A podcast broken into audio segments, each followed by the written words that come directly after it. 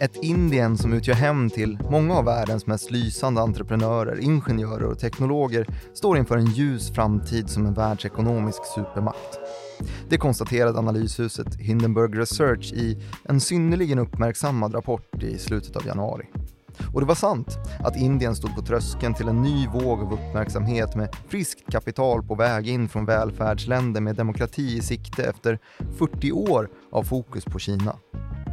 Men just när dammluckorna skulle öppnas kom den initialt hyllande rapporten att avtäcka mer än bara lovsång till Indien. Dokumentet som skakat om finansmarknaden i världens största demokrati var nämligen en lång anklagelseakt från den numer ärrade amerikanska analysfirman. Mest känd för att granska och ta blankningsposition för att tjäna pengar på nedgångar i bolag där problem täcks över av snillrika bolagsledares sifferexercis.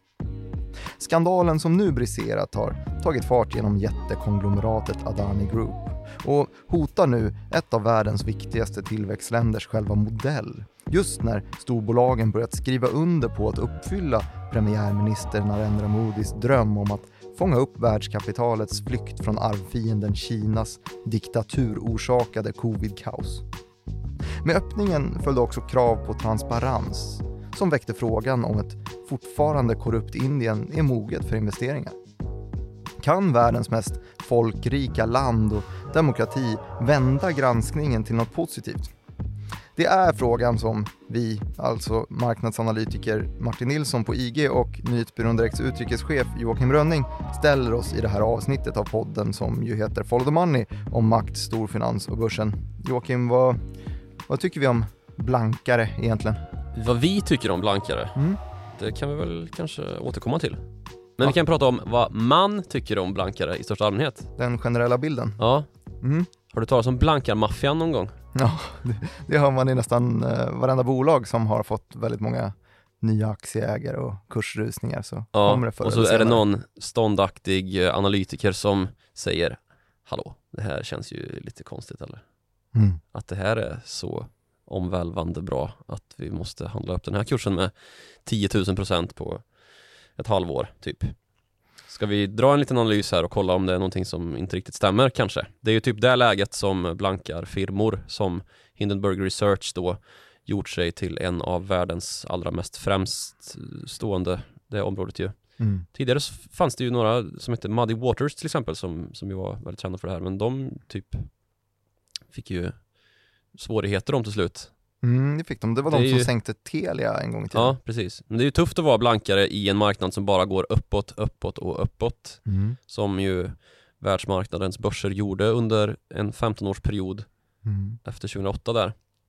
Men då det här med blanka maffian, det är då det aktieägare utbrister när det dyker upp en, en analys som är lite negativt betonad. Ja, Ja, det här är bara någon som vill snacka skit om kursen för att tjäna pengar. Ja, det kan man läsa om på Finanstwitter och Placera och sådana här småspararforum. Aktieraketer på Facebook, Ja. favoriten. Nu är det blanka maffian som är i farten igen. Mm. Det är också då en vanlig kritik man brukar rikta mot den här typen av analyshus då som som ju tar kort position, alltså tjänar pengar in när en aktie går ner. Att de manipulerar aktiemarknaden, att de manipulerar kursen och sen ska man säga säljer på deras topp som ju är aktiekursens botten då. Mm. Så det finns ju tydliga vinnare och förlorare i det här och eh, aktieägarna är ju de stora förlorarna, alltså de som har trott på ett bolag som ju en blanka firma hävdar är bluff och båg. Mm. Så det finns ju en tydlig konfliktyta här och det brukar ju leda till att det blir ganska omskrivet och uppmärksammat när en blanka firma går in då i ett bolag stort som smått. Det brukar ju vara ganska stora bolag Mm. eller ganska nya bolag som växt sig stora sett till värdering på kort tid. Vi har ju Hindenburg då som gjort sig kända genom att man blankade Nikola, vätgaslastbilsutvecklaren som inte utvecklade vätgaslastbilar. Som eh, var ett, ett bolag som kom till börsen via SPAC och sen Spack, ja, skenade. uppköpsskalbolag, det låter ju hälsosamt bara det. Mm.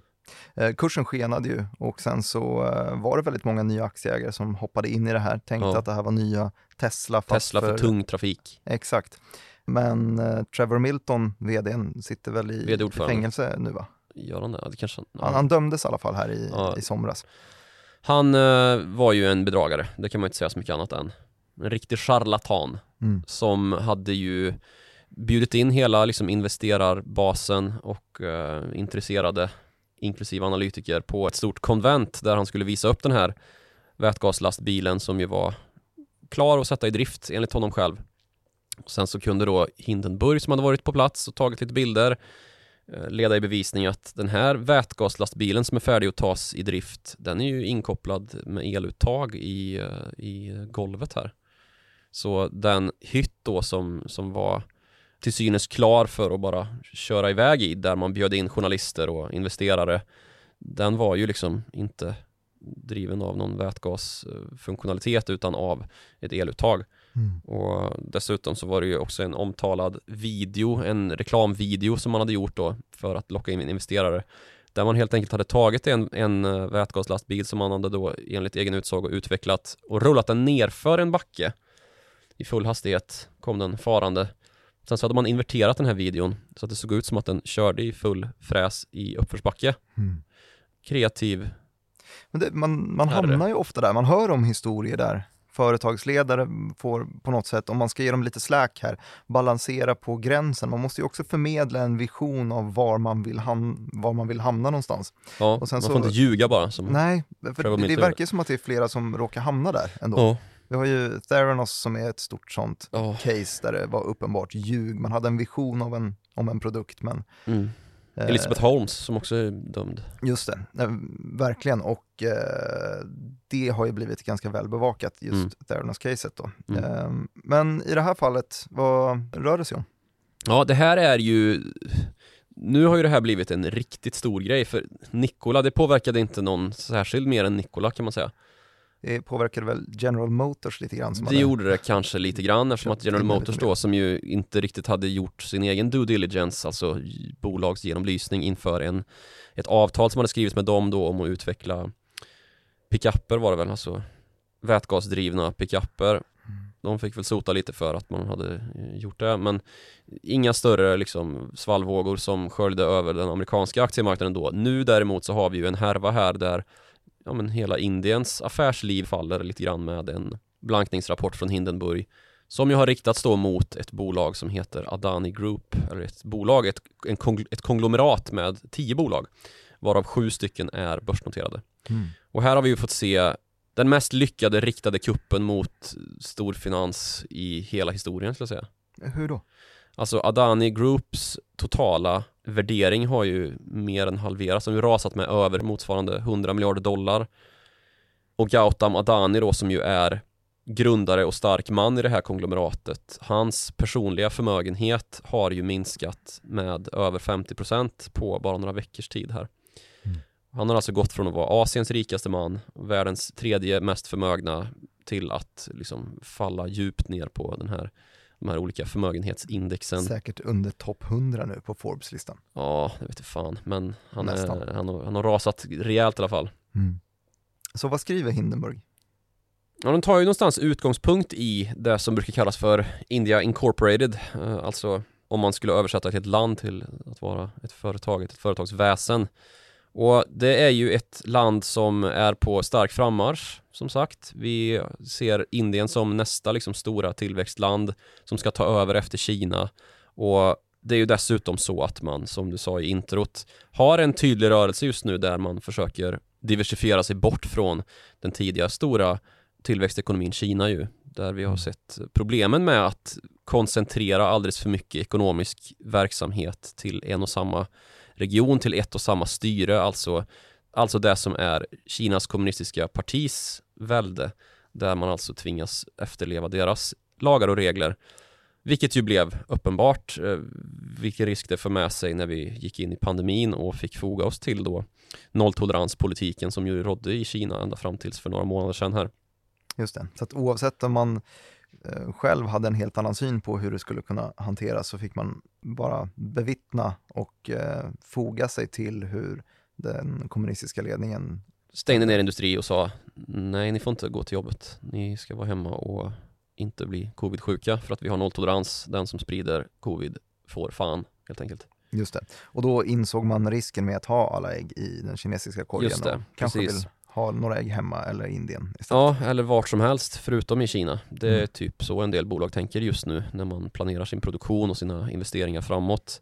Och där någonstans så kommer ju Indien in väldigt bra i eh, ekvationen då eftersom att det är en demokrati. Det är ett land som har allianser med västvärlden snarare än eh, Kina som ju är just en, en rival, en ärkefiende på många sätt. Vi har ju liksom sett bara de senaste åren gränsstrider med döda i Himalaya där uppe vid McMahon-linjen där de här olika kinesiska och indiska gränstrupperna strider om var gränslinjen ska dras egentligen och så står man och slåss med käppar och så slutar det med att någon ramlar ner för ett berg och så är det liksom strid.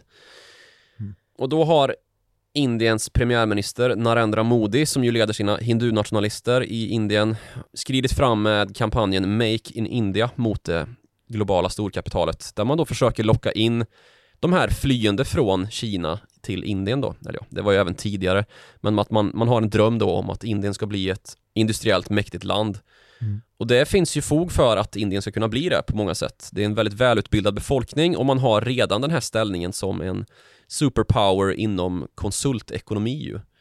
Servicesektortjänster, om man tänker sig till exempel callcenterverksamhet så är ju Indien mycket stora på det. Mm. Och man har som sagt då en, en välutbildad befolkning. Alla har väl liksom som jobbar på kontor någon kollega som sitter i Indien, eller i alla fall en partner då som det köps konsulttjänster ifrån som sitter i Indien. För att det är ju ett låglöneland jämfört med att ta in den typen av, ja, men till exempel då ingenjörs eller teknologtjänster från västerländska källor då, västerländska leverantörer då, som ju är mycket dyrare men inte särskilt mycket bättre nödvändigtvis. Så man vill helt enkelt överföra nu den modell som har blivit så framgångsrik för Indien med servicetjänster, alltså konsult och beräkningsingenjörskap till exempel då, till att också få en tillverkningsindustri. Och för att det ska vara möjligt så krävs det ju stora satsningar inom infrastruktur. För det är ju det som oftast saknas i fattiga länder. Vi hade ett, en sommarserie om Afrika där vi gång på gång konstaterade att Afrika är en rik världsdel när det kommer till naturresurser. Mm. Det är en fattig världsdel när det kommer till inkomster och levnadsstandard, välfärd. Men det är samtidigt inte en billig världsdel och mycket av det beror på att det saknas infrastruktur då. Det är riskabelt och Det finns naturresurserna, det finns arbetskraften men inget det kostar ta så mycket dem, att, att frakta hit och ja, dit. Ja. precis. Mm. Och det går inte heller att förädla eftersom att tillverkning och just eh, resursbearbetning också kräver att man har ett system att processa igenom liksom för att få ut då den förädlade råvaran på sluttampen. Och det är lite samma sak i Indien då. Så parallellt med den här satsningen Make in India då under Narendra Modis regi så görs ju också stora satsningar på att man ska få ordning på sin infrastruktur. Och då pratar vi ju inte bara liksom vägnät utan också hamnar och flygplatser och digital infrastruktur, alltså telekomnät och så vidare. Mm. Och här då så har det ju växt fram några konglomerat som har gjort stora satsningar på att lägga den här enorma marknaden under sig med 1,4 miljarder indiers plånböcker i potten ungefär. Till att börja med då. Eh, Och sen också då att man ska etablera sig som det här, den här industriella stornationen som kan dra nytta av just en stor befolkning med en ganska så gynnsam demografisk utveckling också naturligtvis jämfört med många andra länder, bland annat just Kina och hela västvärlden. Och det är den här typen av konglomeratstrukturer som vi pratar om då, alltså Adani Group, det är ett av de allra största. Sen så har vi ett som heter Reliance Industries som eh, har sin starke man i form av Mukesh Ambani och de, de här två, alltså Adani Groups, Gautam Adani och Reliance Industries, Mukesh Ambani, det är de två som omskrivs allra mest i, i västerländsk affärspress. Okej, och deras stora gärning till Indiens ekonomi är ju då eh, infrastrukturen. Ja, kan man säga. Eller satsningarna på infrastruktur i alla fall. Att man nu då när man ska förverkliga den här drömmen om ett industrialiserat Indien i princip tvingas gå genom de här stora bolagen då som har gjort eh, grundarbetet med att sätta upp konglomeratstrukturer som kan tillse då att det byggs vägnät, att det utvecklas hamnar, flygplatser och digital infrastruktur helt enkelt. Mm. Det finns liksom inget alternativ till, till den konglomeratstruktur som har satts upp då. Och i ett land som Indien då, som ju är en demokrati, men också en ganska så ung demokrati om man sätter i en eh, liksom, västvärldskontext, om man nu skulle göra det, så finns det ju fortsatta problem med eh, korruption och politiken och ekonomin är väldigt ihopkopplad. Vi ser till exempel då att Gautam Adani, han är från samma delstat i Indien som Narendra Modi och de har liksom gått, på tal om parallellspår, med varandra. Eh, där då Gautam Adanis första stora, riktigt stora infrastrukturaffär gjordes i början av 00-talet eller slutet på 90-talet någon gång när eh, Narendra Modi var ledare i Gujarat-provinsen där de båda är ifrån då. Och Adani-konglomeratet började bildas helt enkelt genom det att han köpte en hamnterminal som ju är Indiens allra viktigaste. Gujarat-provinsen ligger i nordvästra Indien eh, med koppling till havet som vetter mot Mellanöstern där ju oljehamnarna finns och mm. kopplingen till hela den västerländska marknaden i princip. Så det här är ju en jätteviktig hamn och därefter så har ju liksom Adani-klanens makt växt då med en multitud av affärer inom det här och dessutom ett stort fokus på råvaruindustrier kol och stålverksamheter, gruvor och, och dylikt parallellt då med mediebolag och som sagt digital infrastruktur också. Flygplatser och, och annat. Så, så ingen bekräftad kanske korruption däremellan, de två ledarna. Narendra Modi var då alltså premiärminister idag. Eh, mm, han är premiärminister idag ja. Eh, men började sin politiska bana i den här provinsen där yes. också Adani Eh, kommer ifrån, precis. Och Men det här lite... är ju liksom problemen med korruption i Indien och i det indiska affärslivet är ju välkänt. Det här är ju liksom en illa dold hemlighet att Adani har problem med anklagelser om bedrägeri och just att det är ett familjeföretag och det klagar också Hindenburg på i den här rapporten att ja men typ så här, två tredjedelar av alla chefsposter i vd-sammanhang i det här konglomeratet utgörs ju av Adanis liksom att det, ganska bördig jord för nepotism. Ja, det är nepotism i dess rätta mening. Och det är inte liksom en styrka eh, direkt. Mm. Och det liknar på många sätt de problem vi faktiskt har sett i just Kina de senaste åren med härvor som till exempel H&A Group och vi hade ju Evergrande, den här eh, fastighetsutvecklingskoncernen som står på fallrepet. Ja, har gjort det ett bra tag men som ju verkligen skakade om den kinesiska finansmarknaden här för eh, något år sedan. Mm. Du menar att det, det var mm, korruptionsdrabbat de delarna också?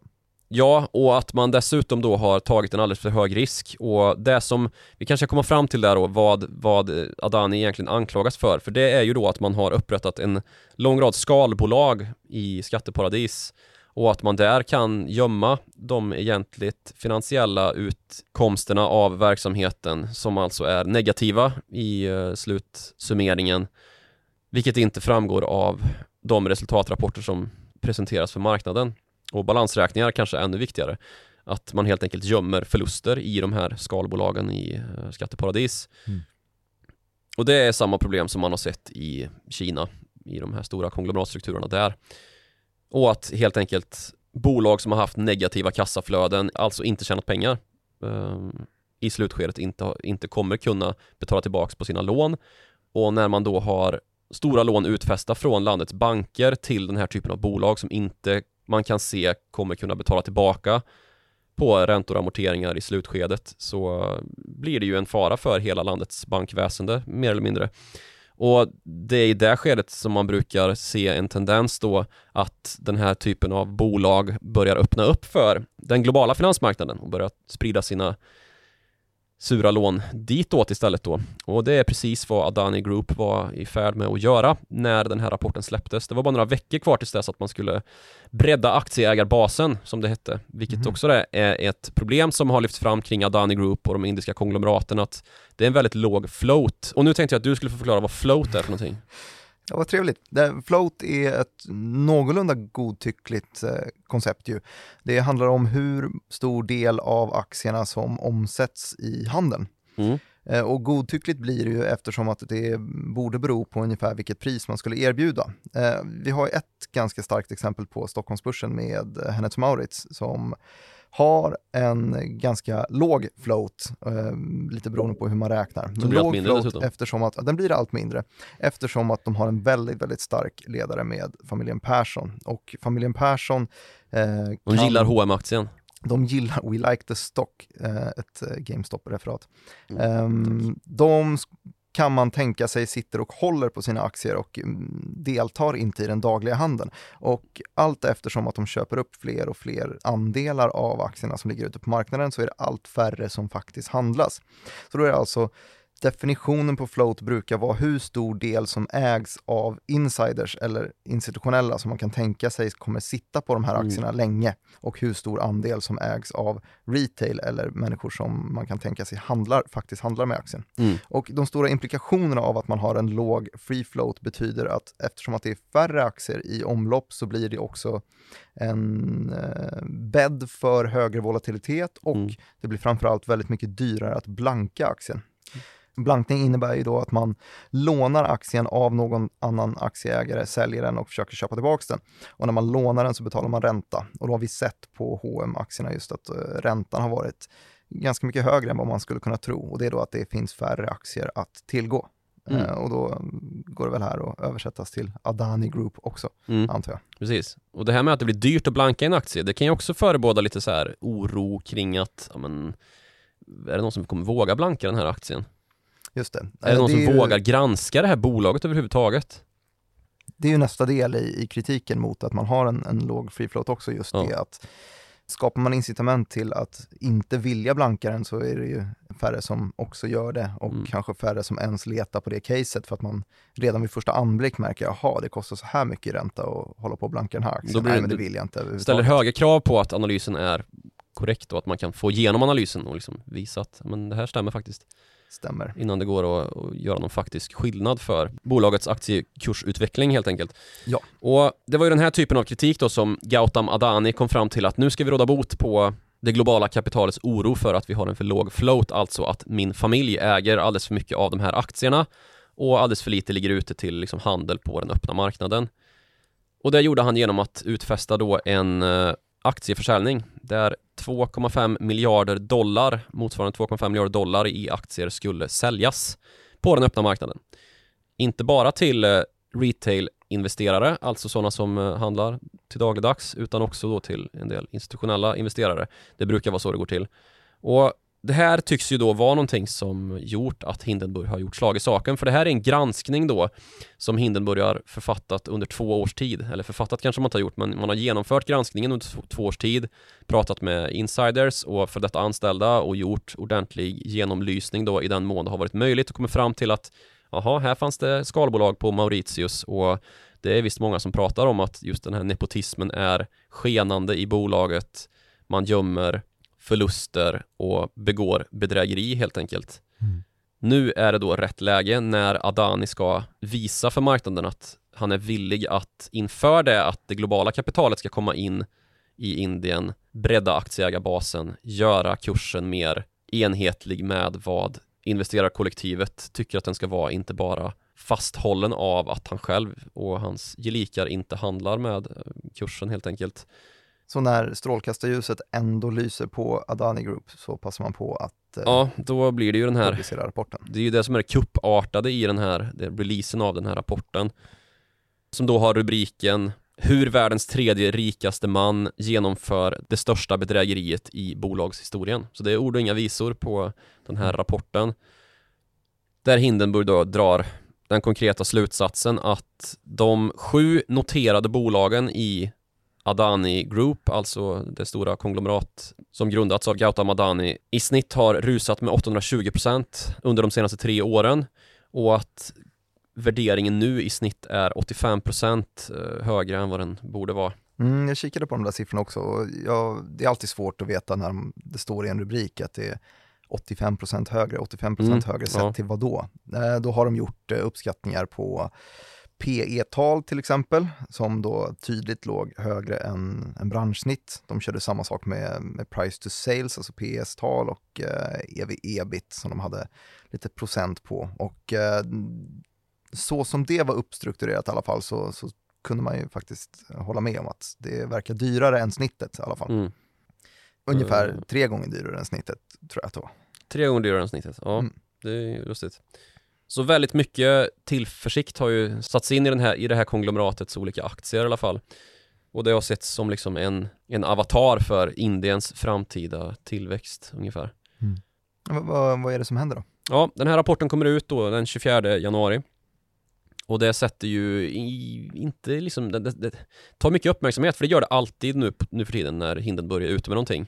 Ja, men det var ju, jag kommer ihåg dagen innan där så Ja. postade de på Twitter, eh, Hindenburg Research har ett konto eh, där det såg stora nyheter Ja, kommer det. imorgon. Mm. de.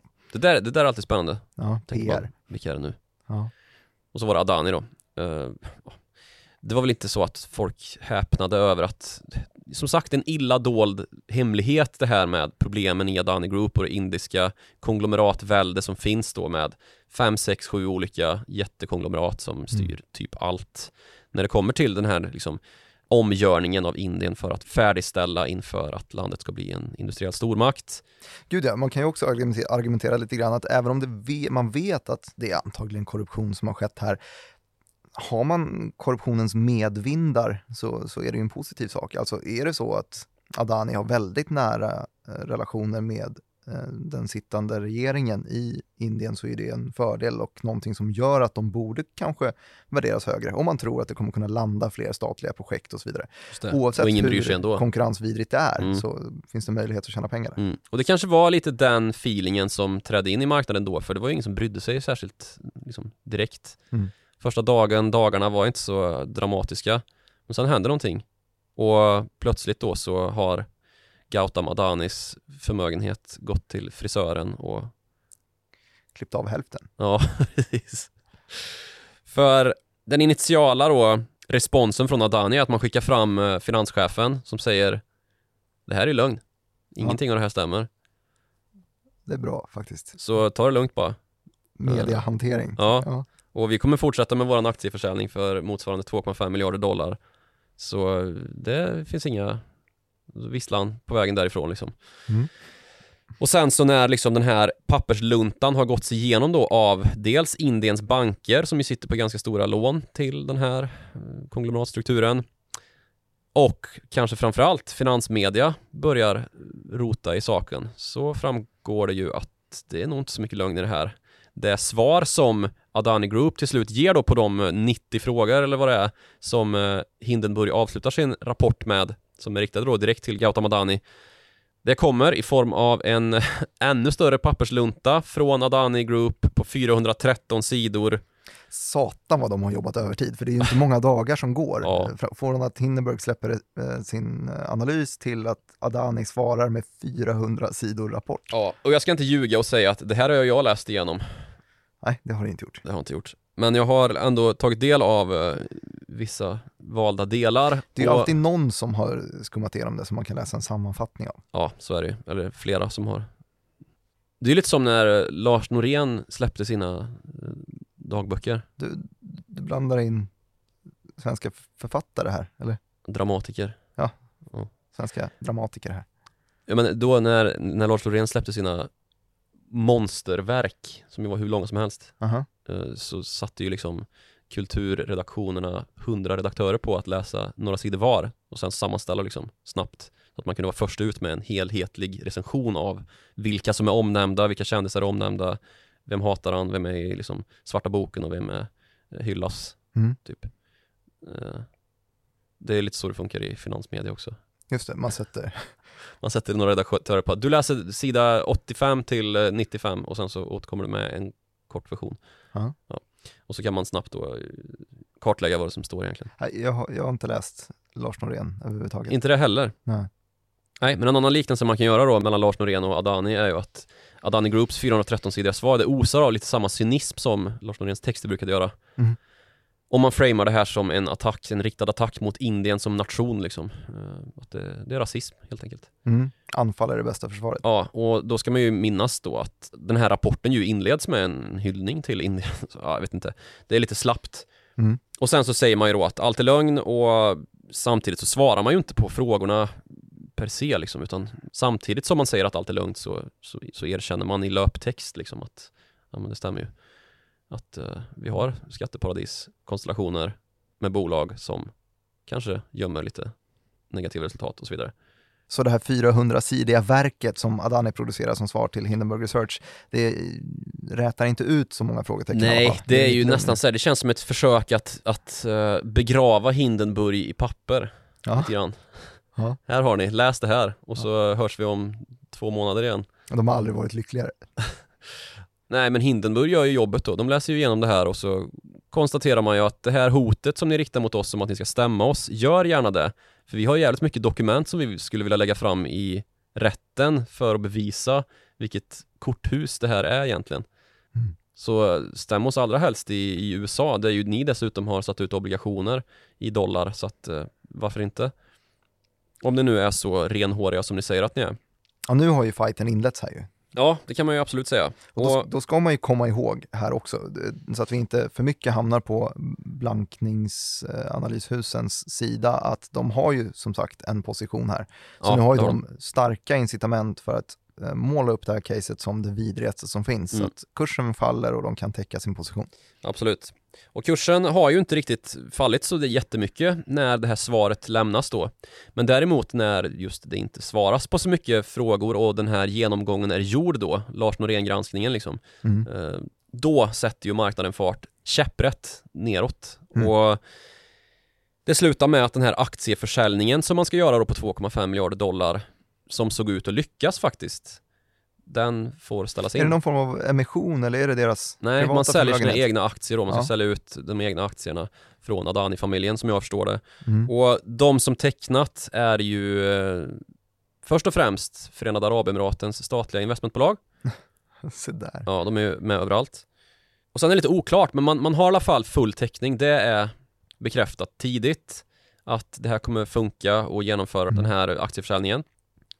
Men sen så fortsätter kursen att rasa så pass lågt att Gautam Adani själv får dra sig ur den här försäljningen med motiveringen att det skulle vara omoraliskt att genomföra den när kursen har fallit så pass mycket lägre som den har jämfört med teckningskursen då som de här institutionella ägarna har tecknat upp sig för.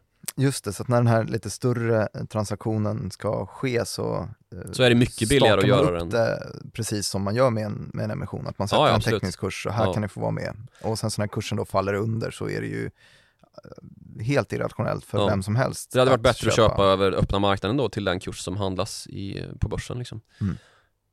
Och så noteras det också då att det är ju inga retailhandlare som har tecknat sig. Det är typ 0% och retail, då pratar vi ju småsparare och traders i största allmänhet. Mm. Istället så är de som har sett till att den här transaktionen ska gå att genomföra de andra mogulerna i Indien, alltså de konglomeratherrar som sitter då på samma typ av konglomeratstruktur som Gautam Adani gör. Vilket ju också kanske är ett tecken i skyn om hur det här är på väg att utspela sig egentligen. Att de indiska finansmännen helt enkelt ser det här som en riktad attack mot det finansiella system som man har byggt upp då. Just det, så att andra moguler vill ta del av det här för att faller Adani, då kommer de kolla på oss ja, härnäst. Exakt. Och i samband med att då Gautam Adani går ut och blåser av den här aktieförsäljningen som börjar bli helt irrationell och stinka korruption mm. så ger han också sitt första utspel då i offentligheten för att lugna marknaden. Och det gör han ju på ett eh, ja, notabelt vis. Vad gör han? Om man har hängt med i finansmarknaden de senaste 15 åren så är det ju sämsta möjliga sättet som han gör det på. Låt höra. Han säger alltså, vår balansräkning är hälsosam och vårt kassaflöde är starkt. Det är typiska famous last words. Ja, verkligen. det är exakt vad Lehman Brothers finanschef sa 36 timmar innan banken gick omkull liksom. Och sen Credit Suisse här för ja, något år sedan. men det är, mm. man ska, säg inte, säg vad som helst men inte det liksom. Mm. För det, det, det, det, blir så famous last words just. Ord, alltså. Ja, det blir väldigt bevingat. Och med de orden lyckas han ju knappast att stoppa blödningen utan det blir bara värre. Och som sagt, Adanis förmögenhet har gått till frisören och kapat hälften. Kapat hälften ja, snaggat sig ordentligt. Yes. Så vet vi någonting om hur det har gått för, det är ju en ganska ny historia det här ju. Är Hindenburg, har de täckt sin position än eller de är fortfarande korta vad vi, vad vet? Vi vet vi eller? ingenting om men och det är väl inte så intressanta i det här tycker jag. Lite intressant. Ja, du tycker det. Mm. Men jag tycker ju att det intressanta är typ hur Apple reagerar på det här. Vad gjorde de? Apple har ju precis börjat fly från Kina Vilket är ett projekt som kommer ta tiotals år eftersom att man har byggt sig så extremt starkt kring Kina Just det, det finns ju Som Apple huvudleverantör. City. Liksom. Ja, iPhone City kallas den ju. Chengdu där som man hade covid-kaos. Där liksom, vad som nog kan ha varit upptakten på slutet för den kinesiska nolltoleranspolitiken när det blev kravaller för att man då skulle införa såna här stenhårda restriktioner Mm. och tvinga folk jobba i såna här closed loop circles. Ja, inte särskilt human HR-policy Mm. kan man säga. Vad gjorde Apple? Apple beslutade sig ju där någonstans för att det här med att vi har fokuserat så extremt mycket på Kina och deras billiga tillverkning och fått upp en hög kvalitet också i den tillverkning vi har där, det är fullständigt ohållbart när vi har en totalitär regim som bestämmer den här typen av beslut. Mhm. Så vi kan inte lägga oss här så här mycket och vi dessutom hamnar i den här handelspolitiska konflikten som ju rasar mellan USA och Kina även när det inte flyger spionballonger över den amerikanska kontinenten. Ja, det är också en spännande Vilket det historia, väl har alltså. gjort i hur många år som helst. Men ja, nu har det blivit uppmärksammat. Mm. På tal om illa dolda hemligheter. F16-plan för att skjuta ner ballonger. F22 om jag får be. Ja, just det. Så det. Ja, men eh, då har man ju börjat titta på vart ska vi lägga oss istället då och Indien är ju ett perfekt land för det om det bara hade funnits infrastruktur. Mm. Och så har man ju då via de här enorma skattesubventionerna som då Narendra Modi, premiärministern, har utfäst under Make in India-programmet nappat på erbjudandet och börjat flytta tillverkning från Kina helt enkelt. Mm. Och det är ju i praktiken att det ska funka villkorat av att de här konglomeraten också uppfyller vad de lovar. Och det är ju i princip det enda man pratar om i det indiska politiska finanssammanhanget just nu. Hur man ska få till den här stora infrastrukturella satsningen då. Mm. Motsvarande hundratals miljarder dollar som ska pumpas ut i att stärka det indiska infrastruktursystemet. Så nu får Apple och Tim Cook ganska kalla fötter då? Ja men risken är väl att det blir en sån reaktion på lite längre sikt. För Mm. det man pratar om i det indiska banksammanhanget då är att visst det är problematiskt att det blir så här. Centralbanken har varit ute och sagt att eh, ja, vi är inte så glada i det här och det finns ett konglomerat där ute. Man nämner inte vid namn, men det är ju Adani Mm. som det finns problem med just nu. Som vi måste titta närmare på. Och till och med Gautam Adani själv har flaggat för att okej då, vi kanske får ta en liten titt på vår kapitalstruktur vad det lider när den här volatiliteten har avtagit. Ungefär som att han vet att den kommer avta innan allt bara går sönder. Mm. Men när det, läget är som det är då och man är helt beroende av de här konglomeraten för att det ska funka så har ju oppositionen i Indien börjat vädra morgonluft. Mm. För inte bara sammanfaller då den här Hindenburg-rapporten med att Adani ska diversifiera och öka floaten med internationella ägare. Det sammanfaller också med att Indiens regering ska lägga fram sin budget. Mm. Och när den här budgeten läggs fram så hör man samtidigt som finansministern förklarar då budgetens infrastrukturdel, hur stor den är och vad man ska satsa på, att oppositionen ropar Adani, Adani! Hånfullt. Mm. Helt enkelt för att anspela då på kopplingarna mellan hindunationalisterna och Gautam Adani och de andra konglomeratherrarna Mm. som ju har tagit över det indiska industriella livet i princip. Och absolut inte då som sagt är underrapporterade i den indiska finanspressen utan de här problemen är välkända som sagt och det enda nya är bara då att det internationella kapitalet nu när man ska öppna upp och ta in kapitalet också får en efterfrågan inte bara på industriella tillverkningsfunktioner utan också på sånt som transparens och fallerar därmed. Så att den här korruptionen då som har skett i Indien sedan man blev en demokrati och fortsatt under Narendra Modis hindunationalister blir ett slagträ för den opposition då som sitter och väntar på slagläge.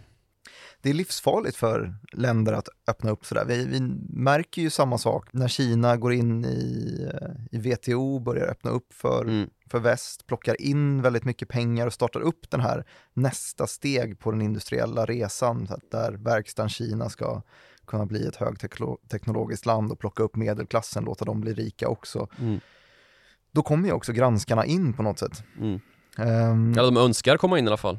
De önskar komma in, ja. Eh, och precis samma sak ser vi väl nu i, i Indien där, att man, eh, man har vetat om att det är risigt, men man accepterar det och man lär sig leva med korruptionen och man inser att det är en del av spelets regler, inhemskt i alla fall. Men när man plötsligt ska väga in resten av världens länder och låta deras pengar leva på samma arena så kommer det andra krav på det. Ja, och då precis. måste systemet stöpas om. Ja, Tror du att eh, Adani överlever det här eller? Alltså jag vet inte, för, men, det, det är ju inte heller intressant tycker jag, utan det intressanta är ju hur Indien ska utvecklas ur det här.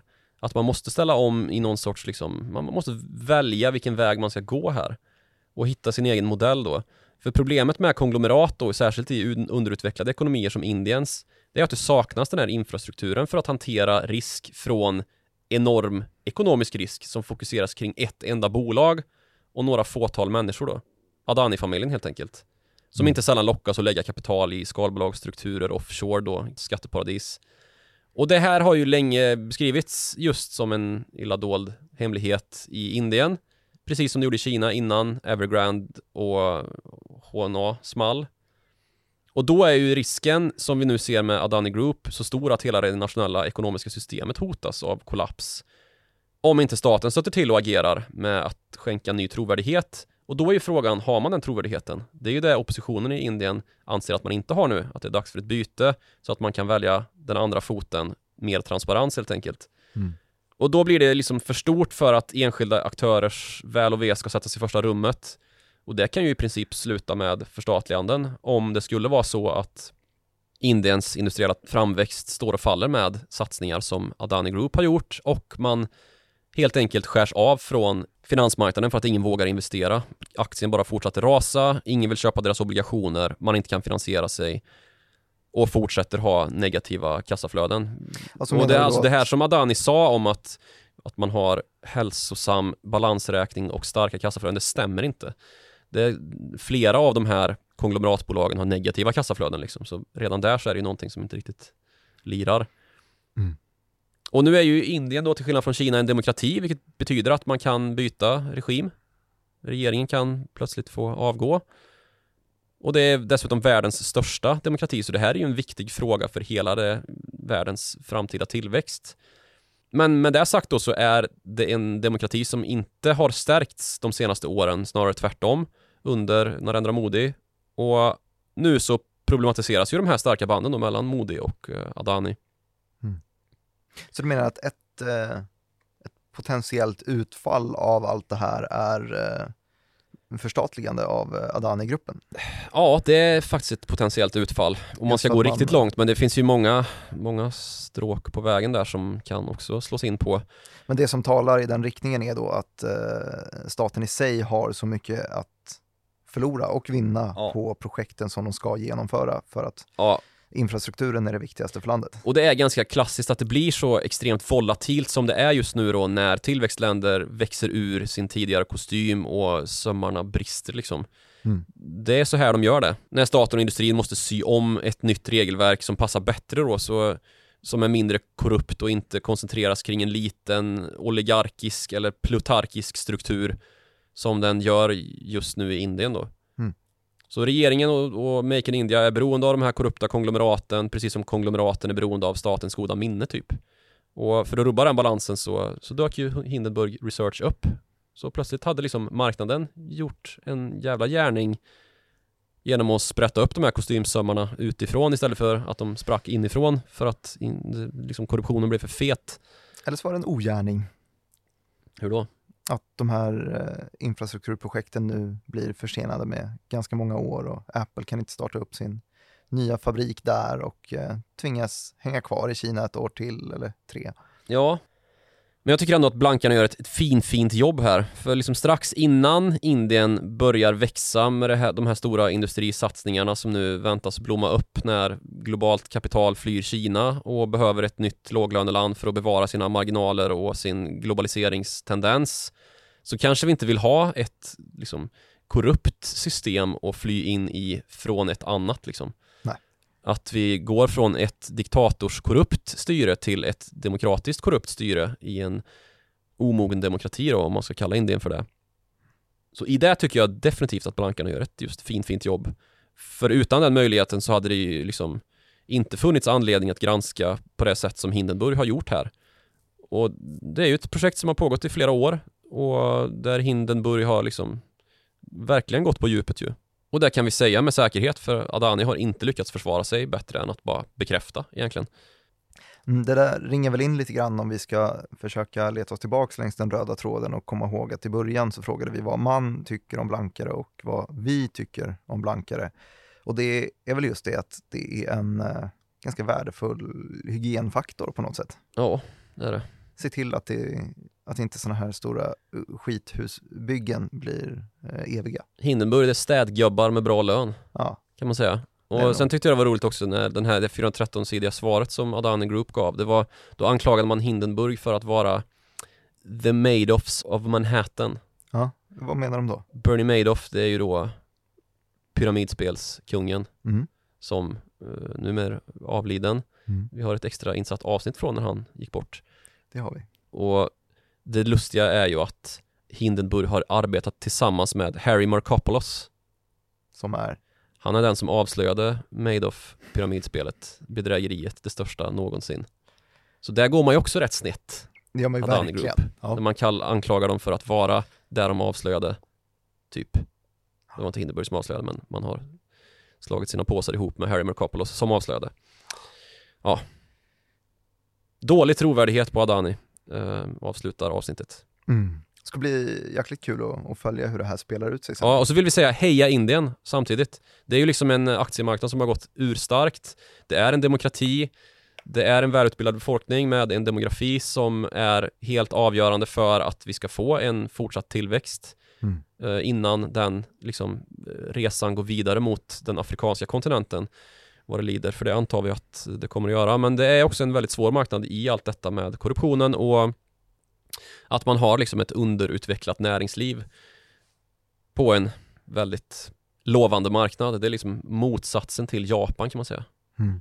Där man har väldigt välutvecklade bolag men kass marknad istället. Ja, jo, det Ja. Finns faktiskt en spännande liknelse där. Eh, Är det så att ni har, Oliknelse skulle jag det. ja, har ni liknelser eller oliknelser så går det ju att eh, vidarebefordra dessa till followthemoney.direkt.se som är vår mejladress. Följ oss också på Twitter. Utrikeschefen heter snabel Joakim Ronning. Jag heter snabel Martin Nilsson IG. Och prenumerera gärna på eh, mitt morgonbrev som jag skickar ut varje vardag morgon på ig.se morgonrapport. Vi är tillbaka när vi är tillbaka igen. Vi hörs då.